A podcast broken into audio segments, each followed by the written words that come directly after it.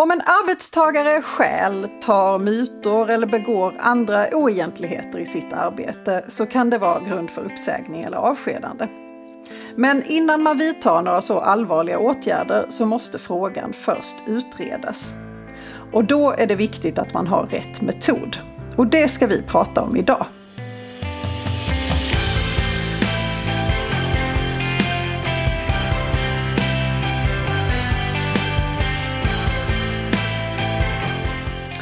Hej och välkommen till Arbetsrättspodden. Podden för dig som verkar inom HR eller hanterar personalfrågor i din vardag. I den här podden vill vi bjuda på nya infallsvinklar och dela med oss av vår kunskap för dig som arbetar inom HR-området.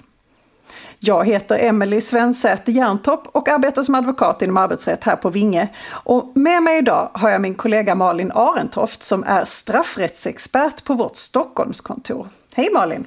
Hej Emelie! Ja, Malin, du har ju en bakgrund som åklagare och därmed också gedigen erfarenhet av att utreda riktigt, riktigt grova brott. Eh, och nu sitter du tillsammans med kollegorna i vår Corporate Crime och Compliance avdelning och arbetar väldigt nära vår arbetsrättsgrupp. Eh, hur kommer det sig? Ja, det, vi märkte det att vi sysslar ju med väldigt många olika slags utredningar i min grupp och eh, ofta handlar det om just en misstanke om att en medarbetare har agerat illojalt eller oetiskt eller ofta tyvärr eh, till och med brottsligt. Eh, och det kan vara allt ifrån liksom, avancerad ekonomisk brottslighet till eh, sexuella trakasserier. Och det som är gemensamt är att det ofta krävs någon form av utredning för att liksom komma fram till hur man ska gå vidare. Och eh, då såg vi vinster och att det blev liksom ett naturligt steg att börja jobba närmare arbetsrättsgruppen. Det är jättespännande och jag kan säga att vi är väldigt tacksamma för det. Ja, vi också. Eh, men idag ska vi prata lite om eh, hur man gör när man ska utreda en anställd som man då misstänker har begått någon slags brott eller håller på med någon typ av oegentlighet i sin arbetsroll eller yrkesroll. Eh, för en sån utredning så gäller det ju verkligen att ha ramen klart för sig och också ha lite fingertoppskänsla, eller hur? Ja, det skulle jag säga är jätteviktigt. Så ifall vi börjar från början, hur, bör, hur brukar de här frågorna uppstå? Hur, hur börjar det? Ja, det kan ju vara väldigt olika liksom, ingångsvärden såklart. Dels beror det ju på vad, vad det är för form av misstanke, vad, så vad handlar det om? Eh, men det kan också vara, Eh, alltså vilka är det som känner till det här? Eh, ibland så börjar det med att liksom, alla vet, eh, det kan till och med vara något som har briserat i media och då hamnar företaget eh, mitt i en liksom, storm, en kris. Man ska hantera inte bara den här misstanken utan liksom, eh, ja, extern kommunikation, vad ska vi säga till de anställda. Eh, men det vanligaste skulle jag säga ändå är att det kanske bara är en begränsad krets som känner till det här. Det kan vara en anställd som liksom anmäler eller lyfter upp att man misstänker att någon av ens kollegor har gjort någonting brottsligt. Lite av en visselblåsarsituation då? Ja, det är ganska vanligt och det är inte alltid man använder sig av de här eh, visselblåssystemen som finns utan eh, jag skulle säga att oftare kanske det är att man går helt enkelt till sin HR-chef eh, eller närmsta chef och berättar att det här verkar skumt. Det kan vara ett exempel att man har upptäckt i eh, faktureringen eller attesteringsflöden eller någonting sånt att det här ser märkligt ut. Och ofta är ju den här misstanken ganska vag i början. Det kan ofta löna sig att man försöker hålla det här inom en ganska begränsad krets så länge innan man liksom vet lite mer. För den första känslan, just eh, när det är som du beskriver det, antingen ifall det kommer då via media eller att det är flera som kommer med någonting och det känns som att oh, det här känns inte alls bra. Då är den första känslan för många att man vill agera och man vill agera snabbt. Man vill visa mm. sig handlingskraftig. Mm. Eh, men då menar du, håll det, håll det inom en begränsad krets tills du vet mer. Ja, oftast. Eh, och det är såklart det är jättebra att agera snabbt. Det, det, finns absolut ingen anledning att vänta för att sådana här problem försvinner ju liksom oftast inte av sig själv. Eh, men det kan vara bra att liksom hålla huvudet lite kallt, ha en plan för vad är det vi ska göra? Alltså vad ska vi ta reda på? Hur ska vi göra det? Vem ska göra det? Och så vidare. Eh, och innan man liksom slår på stora trumman och stänger av folk eller upp, säger upp folk så, så kan det vara bra att försöka ta reda på lite mer information eh, som ofta finns inom eh, bolaget. Det kan vara fakturor, eh, attesteringsflöden, eh, bokföring eh, men också en sak som är, är ganska vanlig det är att man tittar i eh, personens mail det är ju liksom arbetsgivarens verktyg, eh, mejlen. Och eh, det finns en möjlighet att, att granska mejl redan när man har en person fortfarande i arbete. Eh, viktigt dock att man tar en kopia på, på mejlkorgen så att man liksom inte någon kommer och ifrågasätter vad man har gjort efteråt. Så förarbetet är jätteviktigt innan man går vidare då egentligen. Så både det där man kan gå igenom de stora pappershögarna men så utvidga det också till mail, mm. till mobil. Hur gör man där? Ja, mobil, det är svårt att ta en mobil från någon utan att eh, det väcker någon form av misstanke. Liksom, varför skulle ni kolla i, i, min telefon? Så ofta när man har kommit så långt eh, så då kanske man gör det i samband med att man faktiskt eh, arbetsbefriar den här personen i fråga. Eh, men man kan ju absolut eh, ta hand om en mobiltelefon som är arbetsgivarens egendom. Aldrig en privat, men, men är det en, eh, en mobiltelefon som tillhör arbetsgivaren så, så kan man ju ta den och granska och det är faktiskt ganska mycket intressant information man kan hitta i en mobiltelefon. För många gånger så tänker kanske inte den här eh, som har gjort bort sig eh, har tänkt på innan att det faktiskt kan bli så att eh, MES och, och sådana saker granskas i framtiden. Ja, det har vi ju sett på många offentliga utredningar där folk har skickat sms fram och tillbaka. Ja. Som om det vore ett telefonsamtal. Ja, men precis. Och det är ju inte riktigt det, utan det mesta sparas ju.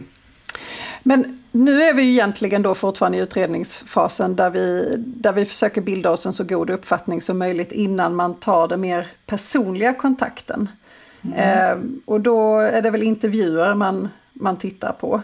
Mm. Eh, om vi tittar på de olika personerna som är inblandade, ska man börja med den personen som har blivit utpekad eller ska man börja med personen som pekar ut? Eller ja, vittnena? Ja. Ja, ja, det är ju svårt såklart. Men säg att det här kommer in som en, eh, en anmälan eller hur man nu ska uttrycka det från en, en medarbetare. Då kan det såklart vara bra att prata med den personen först för att få lite mer, alltså hur vet du det här? Var, ja, varför? Ibland kan det ju vara så att eh, någon har liksom en annan agenda. Att det inte bara handlar om att göra rätt. Eh, så det kan absolut vara bra att prata med så kallade vittnen då. Eh, men det beror lite på vad det handlar om. Ibland eh, har man hittat en massa säga, besvärande saker i mejlen och telefonen hos den här eh, anställda så kan det också vara läge att prata direkt med, med den personen. Men där, det är viktigt att vem man än pratar med att man gör det på ett schysst sätt. Att personen inte känner sig liksom kränkt eller illa behandlad på något sätt. Så att man håller alltid liksom hålla en god ton, eh, dokumentera vad som sägs och förklara liksom varför, man vill, eh, varför man frågar de här sakerna. Och du säger dokumentera nu. Hur mm. tycker du man ska dokumentera? Ja men ta det exemplet att man eh, håller en intervju så bör man ju i vart fall skriva ner anteckningar vad, vad den här personen säger. Eh, är det så att man tar en dator eller mobiltelefon så bör man också dokumentera liksom när har man kopierat den här eh, hårddisken till exempel? När, vem har gjort det? Eh, hur har vi gjort det? Det är inte någon, eh, något färdigt liksom förundersökningsprotokoll men det är bra att man kommer ihåg och har det på pränt vad man har gjort och, liksom, och när och hur såklart. Och ifall man har då ett eh, protokoll från ett samtal då man har fört med en person, ska den personen skriva under det eh, protokollet tycker du? Nej, det har egentligen inget eh, bevisvärde om man tittar på om det här skulle användas i ett senare skede utan det här är ju i så fall minnesanteckningar i den här utredningen. Går det så långt sen att det blir en eh, rättegång av det här då ska ju de här personerna ändå eh, höras på riktigt eftersom vi har den muntlighetsprincipen i Sverige. Så det här med att skriva under på heder och samvete och så, det, det finns det ingen poäng med tycker jag. Nej, men det, det, men det är mm. faktiskt en ganska vanlig fråga man får. Ja, ja. Så det, det tycker jag var klart och bra när man då har de här intervjuerna, du säger hålla en god ton. Eh, ska man gå efter någon särskild ordning tycker du när man, eh, när man håller själva intervjuerna? Ja, alltså, ja generellt sett, det är ju från min tid som åklagare så alltså, det är min erfarenhet att det lönar sig alltid att vara trevlig. Eh, inte överdrivet såklart men att man håller en en artig ton. Man kan gärna börja med att liksom försöka mjuka upp den här personen man ska prata med med lite inledningsfrågor. Liksom, vad jobbar du med, hur länge ja, och så vidare. Förklara varför man eh, håller den här intervjun och, och vad det innebär. Till exempel att du kommer inte behöva skriva under i blod här att du har sagt det här. Eh, men sen såklart, sen ska man inte heller vara rädd för att ställa de här svåra frågorna. Eh, men även om man ställer svåra frågor och liksom Eh, som kan vara jobbiga att svara på så kan man det lönar sig ofta att göra det på ett trevligt sätt. Mm. Och du prat, du, det du säger här nu tyder på att du föreslår egentligen att man ska vara ganska transparent med syftet med eh, intervjun eller eh, samtalet. Mm. Alltså säga från början att ja, men, det har framkommit mm. det här och det här. Ja, man, kan, man kanske inte behöver säga precis allting men mer att eh, mm. vi har, håller på att utreda här hur eh, dina kontakter har sett ut med den här leverantören till exempel. Eh, och det, det är jättebra att du kommer hit och svarar på de här frågorna för vi vill ju liksom ha upp allt eh, på bordet. Sen kanske man inte behöver börja med att säga att du är misstänkt för det här. Det låter klokt. Eh, det är rätt lätt att få taggarna utåt då misstänker jag. Ja, det kan vara så. Men det är också viktigt att komma ihåg i de här sammanhangen när vi pratar intervjuer att Eh, det finns ju inte samma rättssäkerhetsgarantier i en sån här internutredning som det gör till exempel vid ett misstankeförhör under en förundersökning. När man har rätt till försvarare och blir delgiven misstanke och hela liksom, det rättighetspaketet.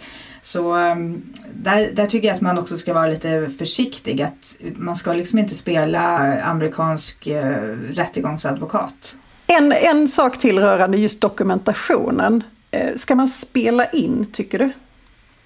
Man kan spela in. Eh, du får ju alltid spela in ett samtal liksom som sker mellan eh, två personer. Men ska man göra det så tycker jag att man ska tala om det i så fall. Inte göra det liksom i smyg. Utan eh, då tycker jag att man ska tala om att den här intervjun kommer spelas in. Eh, men det kan också enligt min erfarenhet göra att folk tycker att det känns lite obekvämt. Och det kan göra att eh, den man pratar med inte liksom öppnar upp sig på samma sätt. Så det är inget generellt krav eller tips från min sida att spela in, snarare tvärtom. Och när man väl då har gjort den här utredningen, man gjort de här intervjuerna, var, eh, vart leder det? Vad blir resultatet av det? Ja, det, är ju, det beror ju helt på hur det här ser ut. Ett resultat eh, som många kanske ibland glömmer bort det är ju att här, den här utredningen kan visa att den här personen var ju helt oskyldig. Och det är ju jättebra såklart att få reda på det. Eh, framförallt för den här personen som är föremål för misstanken. Eh, men det kan också vara att man hamnar i ett läge där det är någonting som är skumt. Eh, det liksom luktar lite men det går inte att bevisa att det här är något brottsligt eller kanske inte ens liksom ett lojalitetsbrott. Och då, eh, då får man ju såklart ta ställning till vad gör vi med det här? Eh, men sen ibland så, så kan det ju vara så att de här misstankarna blir starkare, de bekräftas och att man hamnar i ett läge att ja, vi kanske till och med måste polisanmäla det här. Och själva polisanmälan, vad syftar den till? Ja, det är ju bra att ha det, liksom, försöka ha det klart för sig från början själv innan man kommer så långt. Så varför gör vi det här? Vad är det vi vill uppnå? Det finns inte, som många tror, det finns ingen liksom, anmälningsplikt i Sverige att du alltid måste polisanmäla varenda misstanke om ett brott. Eh, sen tycker jag som gammal åklagare då att man, man bör ju göra det. Så folk ska ju inte komma undan eh, de som har begått brott. Men eh, det kan vara värt att liksom ställa sig frågan, kommer det här att hålla? har vi tillräckligt på fötterna för att göra en polisanmälan? Och då handlar det ju om att det ska finnas bevisning såklart det man ska vara medveten om det är att om man gör en anmälan som är så att säga, på ganska lösa grunder att det här bara är en vag misstanke fortfarande så kan ju det eh, sluta med att den här läggs ner ganska snabbt. Och eh, det kan ju vara någonting som eh, kanske inte formellt liksom kan användas emot en som arbetsgivare men det kan ju definitivt vara något som tas upp om det till exempel blir en eh, arbetsrättslig process. Liksom, mm. Titta här, jag är ju oskyldig. Nej men och det är väl en, en jättebra poäng för att eh, återigen, alltså, det här vi pratar om nu, alltså både mutor och olika typer av andra brott på, på arbetsplatsen. Jag menar, det kan ju leda från att, till att man eh, skiljer personen från tjänsten genom avsked eller uppsägning mm. beroende på var det hamnar. Och det här med att göra en polisanmälan, det är ju helt separat egentligen. Mm. Och behöver inte nödvändigtvis gagna själva den arbetsrättsliga processen. Så att man ska, man ska ju verkligen vara noga med att ta ställning till det separat. Och hur man Absolut. vill göra det. Absolut. Och det vet ju du Emelie att det är inte riktigt samma grunder för att liksom säga upp en person eller avskeda som att eh, någon ska bli dömd för ett brott. Nej, nej, absolut. Så där kan man ha uppförsbacke åt båda hållen. Ska jag säga. Mm, mm. Ehm, men själva anmälan då, om man bestämmer sig för att ja, vi vill polisanmäla detta, antingen för att man verkligen har sett att eh, det här det här ska verkligen anmälas. Mm. Eller för att man också såklart vill göra en, en markering att den här typen av beteende, alltså ifall, ifall man själv från sin arbetsgivare på den här arbetsplatsen så polisanmäler vi det mm. utan undantag. Um, vad, vad gör man då? Hur gör man rent formellt? Ja, det, det finns, det finns inga riktiga såna formkrav för en polisanmälan. Vissa brott kan man anmä anmäla till och med på nätet. Men det är de allra enklaste brotten. Eh, men är det lite mer sådär ah, halvkomplicerat, säg att någon har förskingrat pengar eller det är något bedrägeri eller ta det här med mutbrott. Då, eh, då, då tycker jag att man kanske ska lägga lite tid på hur man formulera den här anmälan. Eh, och det är ingen, ingen liksom vetenskap i sig men, men att man tänker på att vara så utförlig som möjligt. Tala om liksom, när har det här hänt? Var har det hänt? Vem är det som har gjort det? Eh, och framförallt då vad finns det för bevisning? Så det är jättebra att eh, kanske liksom, skriva någon sida eller två vad så, berätta hur det här har gått till. Ofta kan det räcka med liksom en kronologisk redogörelse för att det här har hänt och så här har vi fått reda på det. Och, eh, och passa gärna på att bifoga den eh, bevisning som man har hittat. Till exempel de här mejlen eller smsen eller vad det nu kan vara. Så att man har liksom ett färdigt paket till polisen att direkt kunna jobba vidare med. Och så kontaktuppgifter. Kontaktuppgifter, jättebra. Det glömmer ofta många. Men det, det, brukar vara liksom första åtgärden att polisen kanske ringer och bara vill ha liksom lite mer information. Då är det bra om de ringer till rätt person. ja, ja precis. Men eh, har du några korta tips på vad man absolut ska undvika i den här utredningssituationen? Alltså jag var inne på det lite förut och det, det första är väl eh, jag skulle säga så här, spela inte polis. Eh, det låter lite konstigt men det jag menar är att eh, det är jättespännande att se på de här eh, krimserierna på tv och så men eh, jag vet ju att polisen jobbar ju inte på det sättet liksom på riktigt. Och eftersom polisen inte jobbar så så ska ju inte vi som sysslar med internutredningar göra det heller. Ehm, just på grund av de här rättssäkerhetsaspekterna som jag pratade om. Så försök att hela tiden vara medveten om liksom göra saker på ett schysst sätt eh, mot alla inblandade och som sagt dokumentera och liksom stövla inte in någonstans och, var, och också vara medveten om vad man får göra som arbetsgivare och inte. Eh, jag har ju nämnt några saker som man kan göra men det finns ju vissa saker som det bara är polis och åklagare som får ägna sig åt. Till exempel, och vad är det till exempel? Eh, ja men att gå hem till någon, alltså göra hus, börja leta hemma hos någon. Det är ju en husrannsakan, eh, absolut förbjudet. Eh, ha någon slags eh, hemlig avlyssningsanordning eh, och spela in vad folk säger till exempel på i ett fikarum eller sätta upp någon ehm, kamera som är, liksom är helt otillåten och dold. Eh, sådana saker ska man ju, alltså sådana här agentmetoder ska man vara väldigt eh, försiktig med. Och det tycker jag rimmar väldigt väl också med det här som du säger att eh, det kan ju faktiskt vara så att en person är oskyldig i slutändan. Mm. Eh, så du bör ha betett dig på ett bra sätt annars har man ju en, en irreparabel relation framöver. Ja, verkligen. Och, det, det, och den relationen kan ju vara helt, det kan ju vara omöjligt för den, den här personen att jobba kvar om man upplever sig att man har blivit liksom illa behandlad såklart. Men inte bara oskyldiga utan även de som faktiskt har begått brott har ju rätt till att bli liksom eh, schysst behandlade i den här eh, utredningsprocessen också. Har du något sista tips innan vi avslutar för dagen? Det skulle väl vara att jag, jag tycker det är viktigt att understryka att när man ska börja utreda så att man inte bara liksom nu ska vi utreda och så börjar man lite sådär planlöst utan eh, det är jätteviktigt att ha en plan för eh, vad man, ska liksom, vad man ska göra, vad man ska åstadkomma. Alltså vad är det för resultat som kan bli av den här utredningen. Eh, så gärna ha någon form av, det är också jättebra att skriva ner, så en utredningsplan. Vad ska vi göra? Vem ska göra det? När ska det göras? Och eh, liksom varför? Och sen också såklart ha en plan att vad gör vi, vad är liksom nästa steg? Om vi nu hittar den här bevisningen, ska vi göra en polisanmälan? Det är ju jättebra att ha funderat på det redan tidigt. Och hur ska vi hantera personen i fråga? Hur ska vi informera personalen? Hur ska vi informera externt? Och sen när allt det här är klart, säg att man skickar in den här polisanmälan då som förhoppningsvis leder någonstans. Men också i organisationen, alltså hur gör vi för att det här inte händer igen? Det är ju eh, superviktigt att man inte bara stannar där. Liksom. Är en stor hög med uppgifter att göra och på ett tidigt ja. stadium i processen då.